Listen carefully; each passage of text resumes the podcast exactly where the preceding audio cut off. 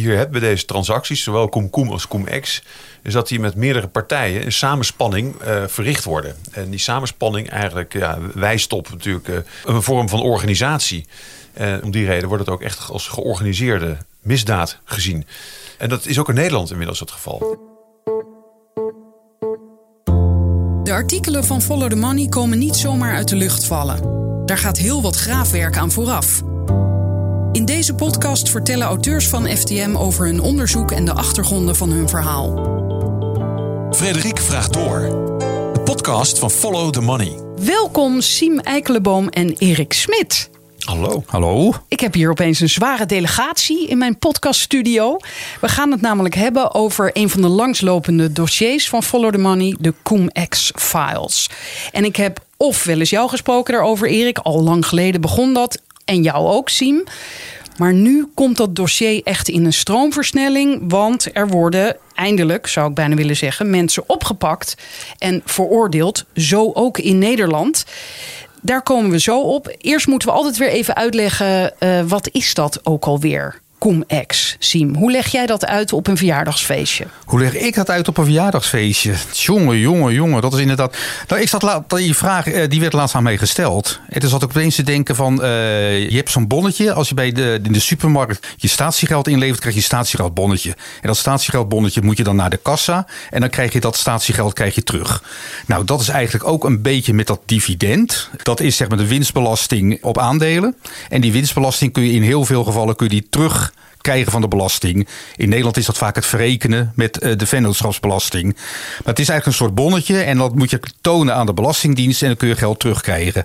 Wat dan cum-ex en cum-cum is, dat je eigenlijk, je hebt niet het recht op dat bonnetje. Is iemand jat als het ware mijn statiegeldbonnetje en die gaat naar de kassa van de supermarkt en die krijgt dan het statiegeld. En dat is de simpele vorm cum-cum. Ga je datzelfde bonnetje, kun je met een of andere truc kun je nog kopiëren. En dan kun je dus achter elkaar gebruiken om precies datzelfde soort statiegeld terug te vragen. Dan is dat als het ware comics. Simpel, maar dat is nou, misschien. Ik vind het heel beeldend. Ik, eh, laat ik het zo zeggen, ik begrijp het. En jij, voordat, je, voordat we net begonnen, Erik, zei je ja, Koem is eigenlijk de light versie van CumEx. Ja, wat de kleine, kleine toevoeging namelijk is inderdaad dat je dat als je dat statiegeldbonnetje inlevert, dat sommige mensen met het inleveren van dat eh, statiegeldbonnetje niet gerechtigd zijn op die teruggave van, van dat statiegeld. Wat die dan doen, die ruilen dat bonnetje dan even om uh, met iemand die daar wel toegerechtigd is, eventjes rondom dividenddatum. En zodra dat uh, bonnetje dan is ingeleverd, verdelen ze de opbrengsten. Dat is in feite koenkoen. En dat is uh, inderdaad de light versie, omdat inderdaad wat, wat Sima uitlegt. Op het moment dat je, laten we zeggen, een bonnetje kopieert, of eigenlijk een, een, een, tweede bonnetje weet binnen te halen. En daar meerdere keren dividendbelasting wordt teruggevorderd. Terwijl er maar één keer is afgedragen. Ja, dat is natuurlijk. Dat kan een kind snappen dat dat, dat dat illegaal is. En dit is op hele grote schaal in meerdere landen in Europa gebeurd. Ja, zeker ja. Op hele grote schaal. Kijk, we hebben cum hebben we hebben gezien dat dat miljarden aan schade heeft opgeleverd. Vooral de Duitse schatkist. Hè, dat is de, naar nou, schatting tussen 9 en 12 miljard. Wat die eh, zijn benadeeld. En in andere landen loopt dat ook in de miljarden. Maar Koem Koem is nog veel, veel groter. Maar daar komen we zo op terug. Ja. En het is ook over een enorme lange periode, is het hè? Dus je praat is inderdaad, nou wanneer is het eigenlijk begonnen? Eind de jaren negentig al. Dus het is eigenlijk is al 30. Ik denk, nog wel langer. Nog, misschien wel langer. Ja. Dus op zijn minst 30 jaar is het al bezig. En jij schreef er voor het eerst over in 2006, Erik? Ja, toen werkte ik nog voor het, uh, voor het zakenblad Quote. Ja. En jij begon hierover te schrijven, Siem, toen je bij Follow the Money kwam. Ja, Erik haalde mij bij het dossier. Je kwam juli 2018 bij Follow the Money. En toen had jij volgens mij al de eerste bijeenkomst van het collectief in Berlijn gehad. Ik werd er toen bijgehaald en ik kreeg ook toegang tot de stukken die er lagen. En ik ben ook meegegaan bij de eerste bijeenkomst in Berlijn. Dat is het internationale dat samenwerkingsverband. dat is het internationale samenwerkingsverband. Van journalisten. Van journalisten, onderling uit een hoop landen. En ik kan me nog wel herinneren dat ik dacht toen ik dit dossier... Oh mijn god, ik snap er helemaal niks van. Want daarvoor had je hier nooit mee bezig gehouden. Nou ja, met de meest ingewikkelde vormen. Ik had de Panama Papers gedaan, uh, grote internationale fraudes, uh, faillissementen. Maar dit dossier, dit is ja, internationaal dividendstrip, hoe die met die banken en met aandelen. Ja, op zich, het is niet zo moeilijk, maar hoe het, hoe het in elkaar zat. En dat was zo verschrikkelijk ingewikkeld. En dat is meteen al iets waardoor ik eigenlijk heel argwanend word van waarom is iets zo verschrikkelijk ingewikkeld? En dan kom je er langzamerhand achter dat het expres ingewikkeld is gemaakt, opdat niemand het snapt.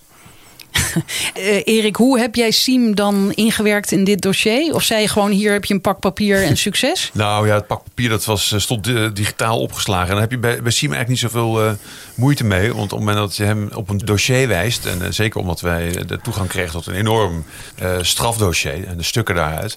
ja, dan, dan, dan hoef je... dat is net een kind dat je de speeltuin instuurt gewoon. En dan die zie je niet meer terug. Dat, dat, is natuurlijk dat is ook heerlijk. Gewoon om, om rond te neuzen en dan kijken welke namen uit, uh, van welke financiële instellingen uit Nederland er voorkomen. En welke namen van betrokkenen. En dat is natuurlijk echt uh, feest om daar, om, om daar een, uh, maanden in, in, in onderzoek naar te doen. Zeg maar. maar jullie zijn niet maanden in Berlijn geweest? Nee, nee, nee, nee, nee. wat Erik vertelde, dus het dossier was dus inderdaad, uh, ja, u had een online code en je kon dat gewoon, dat was uh, digitaal. Dus je had een online site, dus je kon vanuit je huis, vanuit je laptop kon je grasduinen in de stukken zogenoemd een virtual private network voor opgezet. Dat je dan met een speciale veilige verbinding in, dat, uh, in, in die database kon. Maar we gingen wel maandelijks naar Berlijn toe om met alle andere partners te overleggen van hoe, wat, wat, hoe, uh, wat hebben we hier eigenlijk. Hè? Dat is wat Simon zei, super complex, heel veel materiaal. Hoe gaan we dit beschrijven? Wat zijn eigenlijk de centrale bevindingen? Wat hebben jullie uitgevonden? Dat is allemaal naast elkaar gelegd. Dus dat overleg, en dat is ook super leuk uh, en, en, inspirerend, omdat je ja, weer dingen hoort van collega's in andere landen die, die jij uh, nog over niet gezien hebt. En, hm. en uh, verbanden die, die duidelijk worden. Nou, het is echt heel erg tof om dat op die manier te doen. Ja. Ja, er moesten ook steeds meer pizzadozen worden aangerukt. Want er kwamen ook steeds meer journalisten bij. Op een gegeven moment stond er, hè, er kwam er een stapel van 20 pizzadozen werd er binnengebracht. Dus dat was, uh, ja, dat was wel leuk. En super complex, zeggen jullie. Uh, maar steeds eigenlijk met de simpele uitkomst dat de overheden geld misliepen. Dus eigenlijk de burgers, wij. Wij, wij hebben minder ja. geld in onze samenlevingen gekregen ja. door deze roof. Ja, ja. dat komt erop neer. En het, en, het, en het bijzondere daarvan is eigenlijk dat je Dus op het moment dat we zien dat iemand bij wijze van spreken op straat beroofd wordt, of dat er, he, dat er met, met, met, drugs iets misgaat, he, dat er uh, drugstransport, dan wint iedereen zich op en, en noem maar op. Maar bij deze vorm van fraude, dat er echt in miljarden loopt, blijft eigenlijk de grote opwinding uit.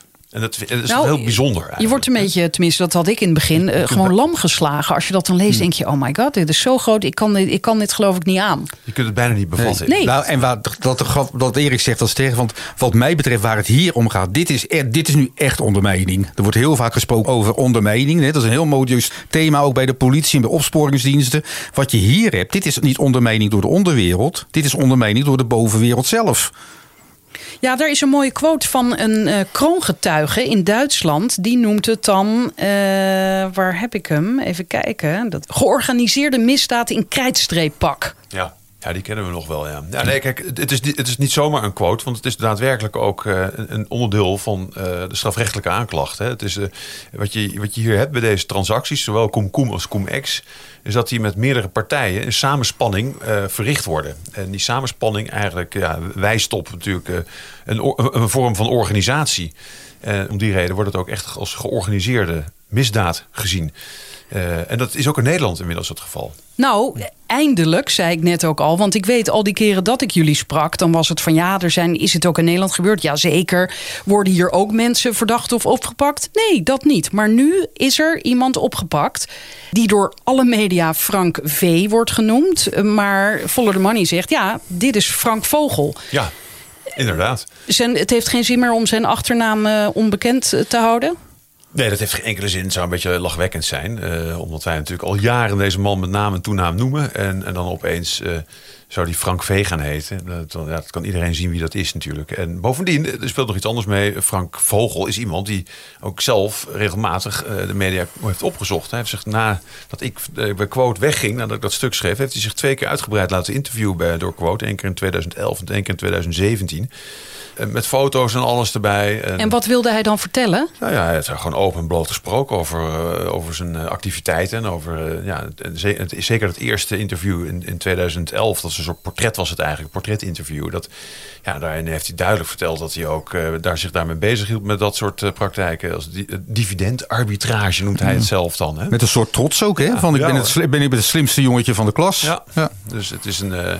en hij zegt ja, het is allemaal hartstikke legaal. Want die mensen allemaal niet denken dat dat eventueel illegaal zou kunnen zijn. Eh, Kennelijk Ja. was hij daar tot voor kort ook van overtuigd dan. daar is hij nog steeds Daar van is de- overtuigd. ja. Maar hij is nu opgepakt. Wel, Hoe is dat gegaan?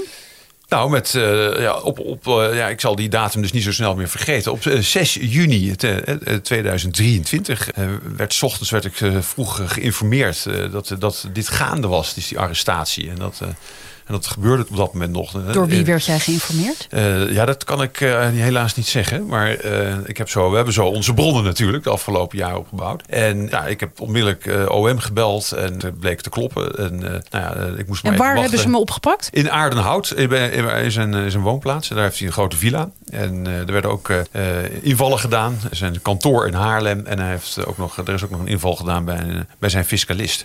Nou ja, dat gebeurde allemaal tegelijkertijd. Dat is meestal met, met zo'n georganiseerde actie. En bovendien ook een partner van hem in Finland. En dat eh, daar komen we zo even op terug. Maar sowieso was het eigenlijk enorm verrassend dat hij eh, werd gearresteerd. Ik, hè? Eh, en, maar door wie dan, dacht ik. Dat, dat zal dan wel door de Duitse justitie zijn gevraagd aan de Nederlanders om, om dat te doen. Want die hebben Vogel al een hele tijd eh, hoog op hun verdachtenlijst staan. Dus, maar toen begreep ik, toen ik helemaal OM aan de lijn had... dat het eh, door Nederland was eh verordoneerd. Dat het En dat Nederlandse OM achter zat. En dat kwam echt voor mij volledig uit de lucht vallen. En ik denk van, hoe kan dat nou ineens? En, tot Terwijl jij zelf eerder in vorige gesprekken eh, wel hebt gezegd... ja, ik denk dat het uiteindelijk wel gaat gebeuren... maar kennelijk was jij... Jawel, ik, was ervan, o- ik ben ervan overtuigd geweest al dat het ging gebeuren. Maar eh, dat, dat, dat Duitse, Duitse justitie hem zou eh, Ja, eh, in, zijn- oké. in zijn kraag zou vatten. En dat hij uiteindelijk in, in een Duitse cel zou komen te zitten. Maar niet in Nederland. En, dat was echt een, gro- een grote verrassing. En dat betekende dus, eh, want Comex is in, eh, in, in Nederland eh, niet gebeurd, dat het een Koem-Koem-zaak was. Nou, op dat moment wisten dat, hadden we alleen nog maar kennis van één andere strafrechtelijk onderzoek naar, eh, in Nederland, naar Koem Koem. Dat is in, eh, in 2021 bekend geworden, in de zomer van, naar ABN AMRO en Morgan Stanley, de zakenbank. Komen we zo nog even op terug. Dus dit was echt Nou, dat een moet je hele, niet te vaak zeggen dat we zaak. ergens op terugkomen... want dan eh, krijgen we een hele Ja, agenda we hebben een serie, daar hebben we een lijstje. Nee, maar Oh, leg sorry. me het er maar even uit alsjeblieft. Want wat... Morgan Stanley is toch nooit van ABN geweest, of wel? Nee, Nee, nee, dat is, nee, dat is de Amerikaanse zakenbank. Ja, en wat hebben zij dan met ABN te maken in dit verhaal? ABN, die, eh, ABN Clearing Bank, die eh, deed activiteiten voor Morgan Stanley. En, zo bleek uit een vonnis, dat heb jij notabene uit weten te vissen. Ja. toen dat, eh, nou, in, in 2020 werd er een, eh, publiceerde het, het, het Hof Amsterdam, eh, mei 2020, een heel belangrijk vonnis in, in deze zaken. Dat is een, ja, een hoge beroep, belasting ja, van, de, van de rechtbank Noord-Holland. Nou, dat, dat, dat, dat dient in Amsterdam. Nou ja, Siem, neem het maar over vanaf hier. Nou ja, dat geeft ook een beetje aan de manier waarop wij werken. En die, ik denk, Erik en ik, die zitten, die eh, denken redelijk hetzelfde. Wij proberen in ons onderzoek zoveel mogelijk terug te gaan naar echt de oorsprong, naar de brondocumenten. Nou, een van die brondocumenten, dat is natuurlijk, de, de, vaak rechtbanken kunnen persbericht uitgeven of een uitspraak. Maar ik vind het heel leuk om die uitspraak zelf, als die nog niet gepubliceerd is, dan vraag ik hem op. En dan is meestal het geval als een uitspraak gepubliceerd wordt, dan wordt de, de partijen die erin genoemd worden, worden dan medewerker van de rechtbank, die worden dan onherkenbaar gemaakt. Die worden dan A, B, C, D. Ligt aan hoeveel partijen er, zijn, maar die krijgen een letter toebedeeld. En dan moet je echt denken aan uitspraken of vonnissen dan, eh, nou, soms, soms wel twintig bladzijden. Hele kleine letters, dus dat zijn echt behoorlijke pakken papier. En mijn ervaring is, om al die namen weg te lakken, er wilde wel eens eentje doorheen schieten. En in dit geval was dat ook. En opeens stond daar GSLA. En dan dachten die partij die kennen wij. En die is zeker van een zekere Frank Vogel. Dus dan heb je opeens bingo. Nee, het was nee, Global Securities Lending and Arbiters was de partij waar Vogel voor werkte. Voor werkt dat zo was het, ja, waar hij voor Bij werkte. maar- Fortis, toch? Ja. Ja, maar zo kwamen, wij, zo kwamen wij op die partij. En wat grappig is ook, het vonnis hebben we gelukkig meteen ook veilig gesteld. Toen ik later opnieuw ging kijken, ik kon het niet zo snel in mijn eigen bestand vinden. Dus ging weer terug naar rechtspraak.nl. Daar bleek het inmiddels bleek het weer weg eh eh, Oh, dat was iemand anders ook opgevallen. Dat... Nou ja, ze had ons artikel gelezen. Oh ja, natuurlijk. want wij, hebben dat gewoon wij hadden in ons artikel Dankbaar, dus ja. gewoon beschreven hoe wij erachter gekomen ja, waren. dankbaar Ja. werk heb je. Ja, ja. Er gebeurt tenminste wat mee. Oké, maar dat oorspronkelijke document heb je nog.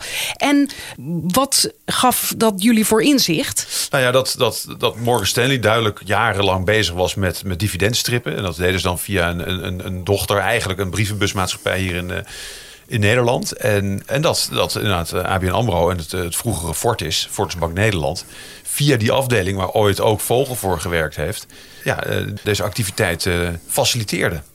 En, en nou ja, dat is dus een modus operandus geweest jarenlang van, van die, die afdeling bij Fortis. En uh, een artikel van december vorig jaar, daarin zei hij... ja, wat blijkt nu weer, ze zijn er ook nadat overal werd gezegd... Ja. Dit, dit kan echt niet, zijn ze er gewoon nog vrolijk mee doorgegaan. Ja, nou ja, dat klopt. Dus, uh, in 2005 uh, stond er een, een, een klokkenluider op, hè, die Ste Stefan Stansiu. En die heeft daar, ja, daarmee is eigenlijk voor het eerst dat allemaal naar buiten gekomen. Daar heb ik dat in 2006 een groot verhaal over geschreven. Ja, toen is het wel nou echt wel ja, aan de kaak gesteld allemaal. En we hebben toen hmm. in 2019 onthuld dat het, uh, Sim en ik toen, dat het er uh, vanuit FIOD in een groot onderzoek, ja, dat die ambitie er was om een groot internationaal zelfs onderzoek op te zetten na Comex. Dat is toen niet doorgegaan. Ze hebben daar een presentatie gehouden op het ministerie van Financiën. En, en toen ter tijd vond het, ja, de, de, de verantwoordelijken het, dat niet belangrijk genoeg om daar uiteindelijk onderzoek naar te doen. Dus dat is, is nooit gebeurd. Nou, vorig jaar, fast forward, kregen we weer een nieuw document in handen geschoven waaruit bleek dus dat hoe precies ja, Fortis die zaken aan het regelen was, uh, nog steeds in het jaar 2009. Let wel, dat is een jaar na de nationalisatie uh, van Fortis Bank Nederland. Het was dus al een staatsbank. Dus, dus een staatsbank die dan uiteindelijk zijn handen steekt hmm. in de belasting, de schatkisten van andere landen. En dat, en dat is ook opmerkelijk, want in 2001 is in Nederland met terugwerkende kracht toen een wet ingevoerd die zeg maar dat erger, die zwaardere vorm van cum-ex, die moet gaan verhinderen. Maar we hebben toen, het was een beroep op de wet openbaar bestuur toen nog, hebben wij een hoofdstukken gevraagd, opgevraagd bij het ministerie van Financiën. En daarin vonden we een paar heel interessante dingen, namelijk in 2003 en 2004 kwamen ze er eigenlijk ook achter bij de Belastingdienst dat dividendstrippen in welke gaat in andere vormen, dat gaat dus nog steeds door. En verdorie, daar moeten we wat aan doen. Dan zie je dat er vanuit de Belastingdienst, die neemt contact op met de Nederlandse bank. De Nederlandse bank die stuurt een brief naar de Nederlandse Vereniging van Banken. En die stuurt weer een brief naar alle leden van pas op. Er wordt vastgesteld dat nog steeds dividend strippen of dividendarbitrage, hoe je het doet, maar dat dat plaatsvindt. En pas op, want dat is, kan niet alleen slecht zijn uh, voor de schatkist, maar kan ook tot reputatieschade uh, komen van banken, ja. want die jullie kunnen aangepakt worden. En daar is het opmerkelijk dus dat vanuit de sector wordt er echt aangedrongen met die handel te stoppen. En dan is wat Erik ook al zegt, ja, dan zie je het al de jaren erop. Ja, er wordt niet geluisterd, het gaat gewoon door. Tot notabene de staatsbank aan toe. Want het verdiende zo lekker? Of wat, waarom ging men nou er ja, tuurlijk. Ja, nee, dat is het natuurlijk. Het, is, ja, het verdiende lekker, het verdiende hartstikke lekker. Het was de meest winstgevende afdeling van Fortis Bank ja. Nederland. En dat niet alleen, het is natuurlijk ook volkomen risicoloos. Het enige risico wat er bestond, is eigenlijk dat, dat je dus ja, gepakt wordt door de, hm. door de overheid. Ja, over dat gepakt worden. Even terug naar uh, Vogel. Die is dus opgepakt, maar hij is nu op borgtocht vrij. Hij heeft 15 miljoen euro betaald. Hoe werkt zoiets? Ik vertelde dit uh, vandaag aan mijn fysiotherapeut. Die zei, Hé, hebben we dat in Nederland ook? Dat je op borgtocht vrij kunt komen? Ja, het Amerikaanse recht is gebruikelijk. Ik, uh, in Nederland komt het voor, maar het is zeldzaam. Ja.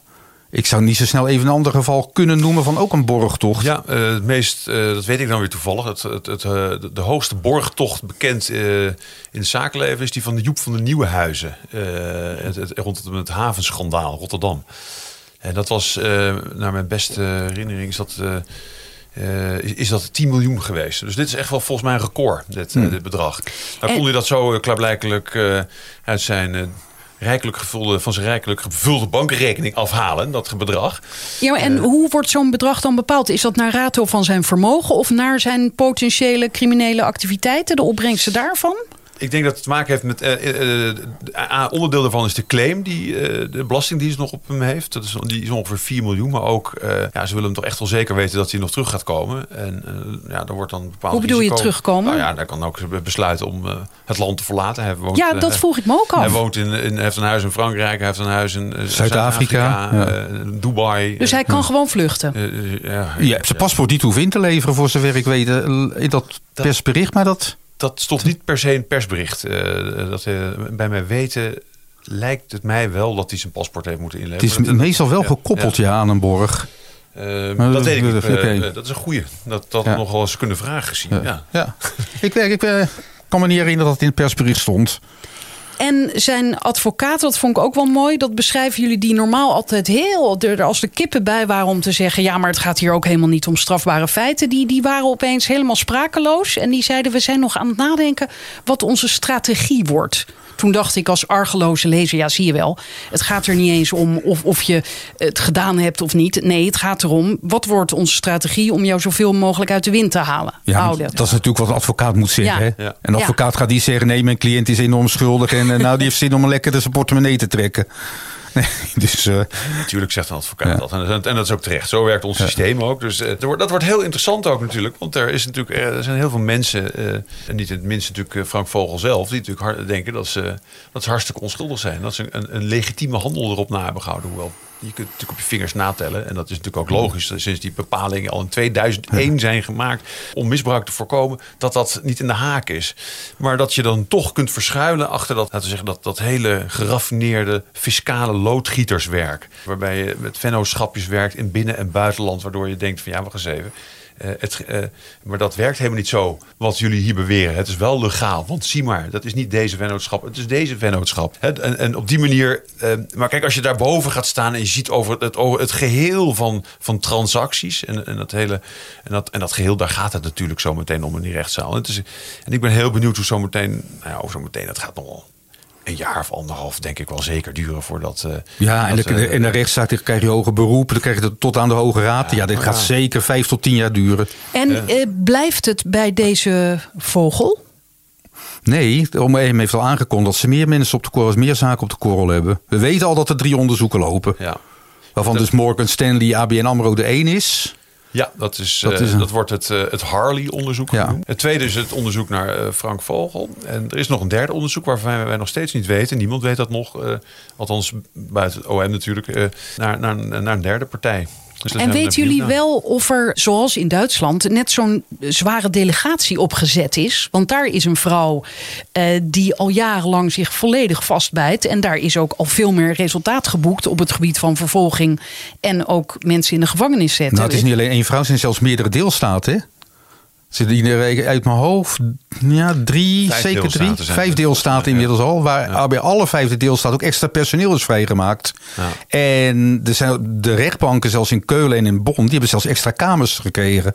Kamers betekent ex- extra rechters, moet ik zeggen. Ja, nee, in totaal zijn er in, alleen in de deelstaat eh, Noord-Rijn-Westfalen 31 officieren van justitie bezig met, eh, met het onderzoek naar Coemex. En zo kan het ook dat een van de hoofdverdachten in Duitsland in twee verschillende deelstaten inderdaad veroordeeld Je bedoelt is. op Berger, de zaak Ja. van. Ja, ja, klopt. Ja, die is voor twee, eh, ja, in twee deelstaten heeft hij terecht gestaan voor eh, fraude in allebei die, die deelstaten. En hoe groot is die delegatie hier in Nederland bij het OM, denken jullie?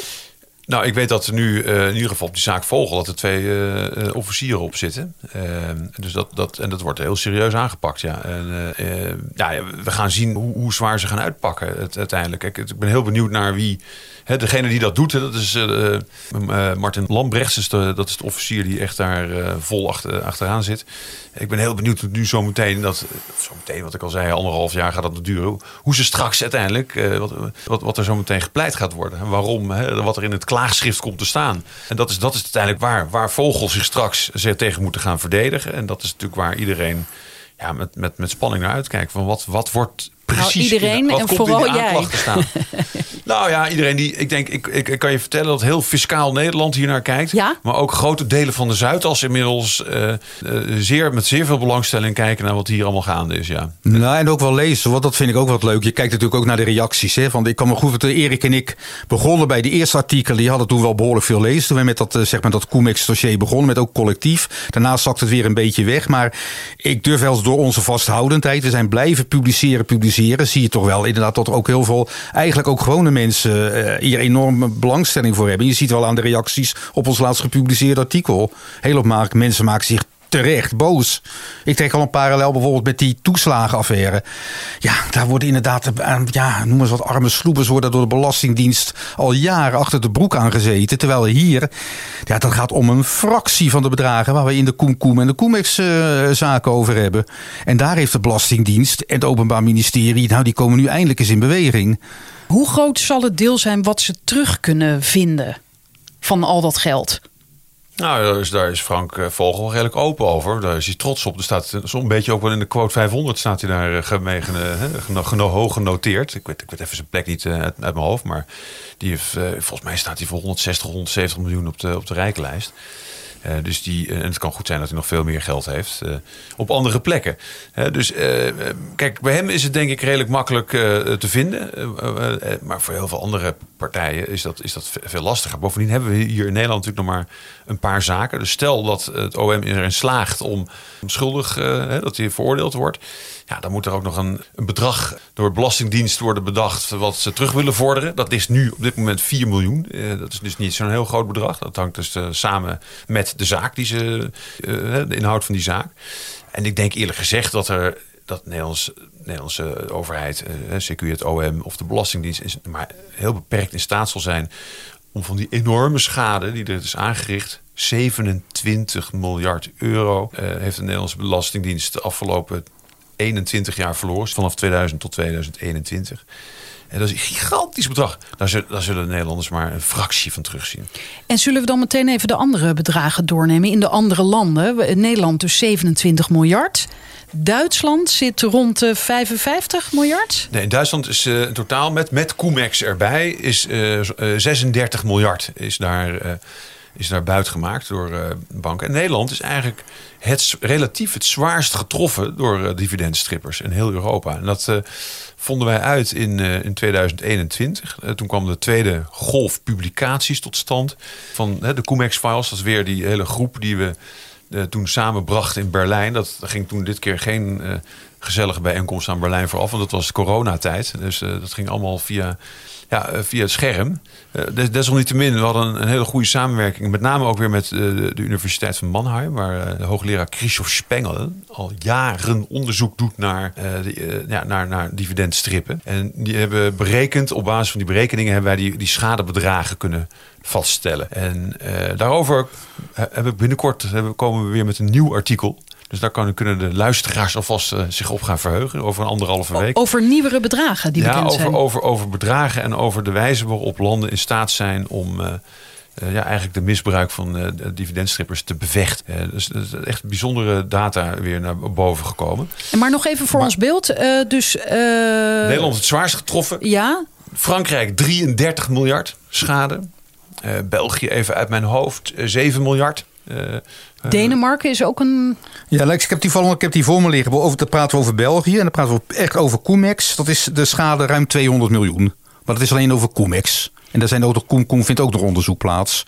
Dus nou ja, het gaat dus om gigantische bedragen. In Denemarken is er inmiddels ook een kerel opgepakt, toch? Waar jij al eerder over vertelde, die uh, Sanjay Shah.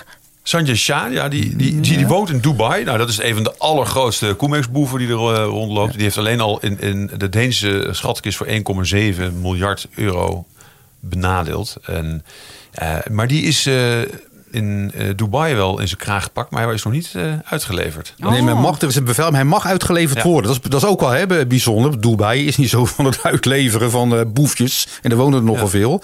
Maar Dubai heeft nu besloten dat hij uitgeleverd mag worden. En wat ook heel leuk is, Shah die heeft geprocedeerd tegen de, in Denemarken tegen die uitlevering, tegen het feit dat hij vervolgd wordt. En daar heeft onlangs de, ja, het hoogste gerechtshof, dus zeg maar de Hoge Raad van Denemarken, heeft besloten dat hij geen punt heeft om op te staan. Dat hij gewoon zich bij de rechter moet verantwoorden. Terwijl jaren geleden hij uh, vrolijk, dat fragment is ook te vinden op de site van Follow the Money, vertelt uh, over ja, hoe dat allemaal in zijn werk gaat, dat Cum-Ex en Cum-Cum.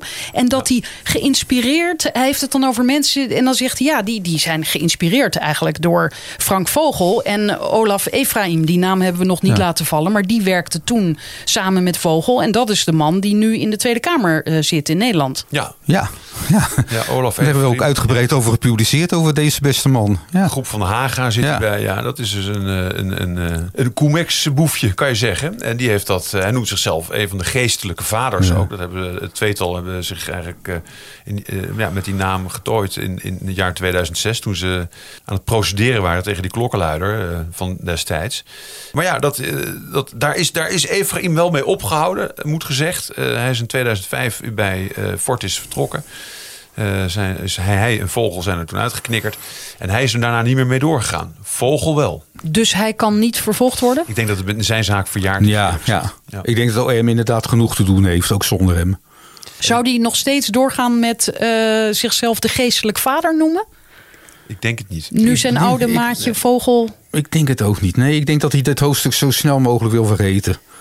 Ja, en dat weet ik niet of dat ook heel goed gaat lukken. Want wat wel mogelijk is namelijk eh, dat hij vanuit Duitsland nog eens een keer een aanslag krijgt. En eh, dat de Duitse fiscus denkt van ik bepaalde lieden waarvan we zeker weten dat ze bij eh, transacties betrokken zijn geweest geld terugvragen. Nou, van Ephraim en Vogel is heel duidelijk een beeld van de bonussen die zij hebben ontvangen in het beginjaren van hun carrière bij eh, Fortis. Dus die hebben miljoenen verdiend. Vogel alleen al 16 miljoen. en Ik geloof eh Ephraim 11 miljoen even uit mijn hoofd. Dus ja, daar kan de fiscus eh, in Duitsland nog wel wat mee, denk ik. Ja, dat kan En dit terug geldt naar ne- 1998 zelfs. 25 jaar terug mogen die het eh, blijven claimen.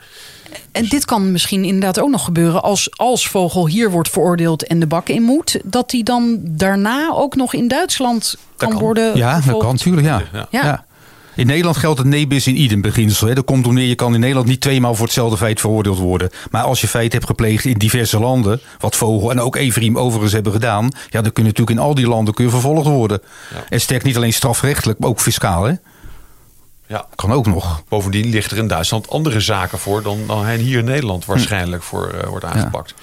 Hij is zeker nog niet af van eh, de belangstelling uit Keulen, om het zo maar te zeggen. Dit dossier loopt dus al heel lang. Er is nu iemand opgepakt. Wat is er nog meer anders? Nou, wat echt bijzonder is ook, is dat eh, dezelfde dag eigenlijk bekend werd gemaakt door Eurojust. Dat is het eh, eh, gremium in Europa dat zich bezighoudt met eigenlijk internationale samenwerkingen tussen in strafrechtelijke zaken. Dat die de inval coördineerde. Eh, ik vertelde al dat er ook een inval plaats had bij een eh, zakenpartner van, van Vogel in Finland. Ja, daar zou je op terugkomen. En, Wie is eh, dat dan? En eh, nou, eh, ja, die, die, die, die kennen wij eigenlijk nog niet echt. Die zaak, eh, daar moeten wij ons nog eh, echt in verdiepen. Wat interessant is, is vooral dat er een samenwerking was tussen verschillende openbaar ministeries. Niet alleen het Nederlands en het Finse. Op de achtergrond speelde ook Duitsland, eh, het openbaar ministerie in Keulen. Mevrouw Brohielker ook, ook een, een rol hierin. Er is geen openbaar ministerie in, in, in, in eigenlijk in de wereld dat meer van Coemex afweten dan dat in, in Keulen. Eh, het team Brohielker, wat, eh, dat, dat, daar vallen 31 officieren van justitie inmiddels onder. Die doen de grootste zaken in Duitsland. Eh, die maar die al- samenwerking is dus ja, nieuw. Die, is- die, die, dat is echt nieuw dat die, Ja. dat, dat, dat eh, zo intensief gebeurt. Ja. Ja. Nee, want we, eh, daar hebben we recent vragen over gesteld, zowel bij het OM als bij het ministerie van Financiën. En daar blijkt echt inderdaad van wel jarenlang was het helemaal niet eh, gebeurd. En dan moet ik nog even teruggaan wat wij eerder behandeld hebben. Dat ehm, Erik vertelde al over dat een onderzoek van de FIOD was een soort vooronderzoek hè, in 2006. Zes. waar toen inderdaad die presentatie ook op het ministerie plaats was. Toen hebben wij ook al vragen gesteld. Is die, want de FIOD die constateerde echt wereldwijd sprake van een miljardenfraude. Opmerkelijk toen al. Hè. Toen hebben wij ook gevraagd, zijn die conclusies met, van de FIOD, zijn die gedeeld met bijvoorbeeld Duitsland? Want Duitsland, die is enorm getroffen en Denemarken ook. Die hadden misschien met de kennis van de FIOD, hadden ze misschien zaken kunnen verhinderen. Nou, toen bleek dat die kennis van de FIOD helemaal niet gedeeld was. Maar gelukkig is ook die samenwerking op fiscaal gebied is omgeslagen. En nu blijkt ook uit de antwoorden die het ministerie van Financiën geeft, dat er enorme samenwerking plaatsvindt met alle landen die getroffen zijn. Dus met de Denen, de Belgen, de Duitsers, de Fransen. Dat ook, maar ook met onderzoekers, zoals eerder Erik genoemde Spengel van de Universiteit van Ze zijn wakker geworden. Ja, wat laat, maar ze wakker. Het leeft overal in Europa. Ook hè, bij de Fransen, dat zijn we nog vergeten te vertellen. Want ook in maart zijn daar ook de Franse autoriteiten... eh, met, met honderden, honderden mensen uitgerukt om eh, bij vijf grote banken invallen te doen. Eh, ook daar zijn de strafrechtelijke onderzoeken gaande. Ook daar liggen de miljardenclaims klaar. En ook daar waren de Duitsers weer betrokken bij het helpen van ja, het identificeren van, van verdachten. Wat, zeggen de banken eigenlijk nu? Eh, zeggen ze iets over al deze ontwikkelingen of houden ze zich stil? Ja, nou ja, ze zijn natuurlijk eh, stil. Zodra ze natuurlijk eh, in, eh, in het vizier komen van eh, een openbaar ministerie, dan is het natuurlijk eh, hangende de zaak. Ja, we werken mee. Dat zeggen ze eigenlijk allemaal. Dat, Ja. roept, dat roept ABN Amro ook al jaren. We werken hartstikke goed mee met, eh, hè, met de justitie in Duitsland. En dan hop, wordt daar weer een inval gedaan. Inmiddels drie zijn er, ge- hebben er plaats gehad in Duitsland. Invallen. En keer zeggen ze weer van we werken heel goed mee. Nou, dat is fijn. Ja. Maar, ze distancieren zich nog niet van. Want jarenlang werd er gezegd: ja, het was helemaal niet illegaal. Nu zouden ze toch zo zachtjes aan kunnen zeggen: ja, dit was niet in de haak. Nou, daar lieten ze niet zo over uit. Het was meer inderdaad ze echt zo. En dat is denk ik hun tactiek. Ze proberen zo min mogelijk te zeggen. Maar wat ik ook wel recent eh, leuk vind. Ik ben momenteel aan het kijken naar jaarverslagen van allemaal banken die er betrokken zijn bij deze affaire. Ook buitenlandse banken. En ik zal de naam nog niet even noemen, want daar komen we binnenkort in een artikel weer op. Maar er is een grote bank die enorm betrokken was bij deze hele handel. Met name ze leende enorme geldbedragen uit aan Comex-handelaren. Waar onder andere, hoe kan het ook weer, Frank Vogel. En die bank die was ook in jaarverslagen, er werd heel terughoudend over gereageerd. Maar onlangs, in het laatst gepubliceerde jaarverslag 2022, staat onder de kopje liabilities. Hè, dus wat kunnen wij nog verwachten? Dat ze inderdaad onderzoek zijn van fiscale en strafrechtelijke onderzoeken. En dat het er toch wel uitziet dat ze toch een behoorlijk bedrag eh, zullen moeten betalen. En dat ze daar een pot voor gereserveerd hebben. Hoeveel, dat weet ik even niet uit mijn hoofd. Maar dat vond ik een opmerkelijke passage. Ik dacht, oh... Ze sorteren alvast voor. Ja, toch wel. Ja. Ja, dat, dat, dat heeft de ABN AMRO natuurlijk ook gedaan. Die hebben Ze dat zijn- ook, ja. Hè, dus ze, zijn, ze, we- ze vertellen heel keurig, eh, we zijn onderwerp van onderzoek en noem maar op. En ze hebben ook eh, twee jaar geleden ook een reservering geno- genomen, even uit mijn hoofd, van 79 miljoen. eh, op, op grond van de, het onderzoek hier in Nederland. Hè. Dus er worden allerlei maatregelen genomen. Maar ze kunnen natuurlijk inhoudelijk niet zeggen van we zijn schuldig. Want dan heb je natuurlijk, je moet, je moet ook nog naar de rechter zometeen. Hè. Dus dat ga je natuurlijk niet roepen. Dus dat begrijp je ook wel. Ja. Het is grappig op grond van meestal beursgenoteerde ondernemingen natuurlijk. Op grond van de beursregels moet je natuurlijk zeggen dat er zo'n onderzoek loopt. Maar ze proberen natuurlijk ook, ze proberen dat ze, ze, ze maken er wel melding van in de jaarverslagen. Maar ze proberen ook aan de andere kant zo min mogelijk eh, te zeggen. Gebeurt het op sommige plekken in de wereld nog? Ja, Zonder meer. ja. Het is vol aan de gang nog steeds. Ja? Ja, Ja. zeker. Ja, ja. Sterker, er zijn ook op er, eh, hoe heet die autoriteit? De Europese autoriteit bijvoorbeeld. De EMA heeft zich daar, die heeft dat gewoon gezegd. Ja. Ja. En het is ook gewoon heel duidelijk meetbaar. Dat heeft eh, Spengel ook gemeten. Dat het in, eh, in, in, zeg maar, in landen waar geen afdoende maatregelen zijn getroffen om dividendstrippen tegen te gaan. Nederland in kluis wordt gewoon nog keihard gestript. Ook in Nederland? Ook in Nederland, zeker. Maar er is hier toch een wet gekomen en het... Ja, maar en dat is. Koem Koem, dat is inderdaad, er is een goede wet tegen. Maar tegen inderdaad die, of dit tegen Koemex. En die Koem Koem, die lichte variant. Ja, je kan zoveel tussenstappen doen. Eh, Het zijn zulke ingewikkelde constructies. En je moet echt in, je moet het doorgronden. En de, ene constructie die kun je doorhebben, die kun je gaan aanpakken. En dan, dan verzinnen ze weer een nieuwe. Dus dit is niet alleen een van de langslopende dossiers... maar ook gewoon het eeuwige dossier bij Follow the Money.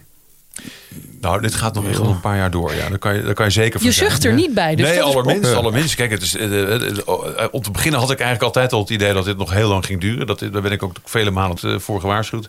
Door eh, ook de, de, de gesprekken die ik ook in Duitsland eh, heb gevoerd met, eh, met mensen die in de politiek zaten of betrokken zijn met onderzoeken. Maar nu ook in Nederland, ja, nee, dat, we gaan hier nog eh, heel veel plezier aan beleven. Wat mij betreft. Ja, want Vogels is, niet, eh, is misschien wel de eerste, maar zeker niet de laatste. Die opgepakt is.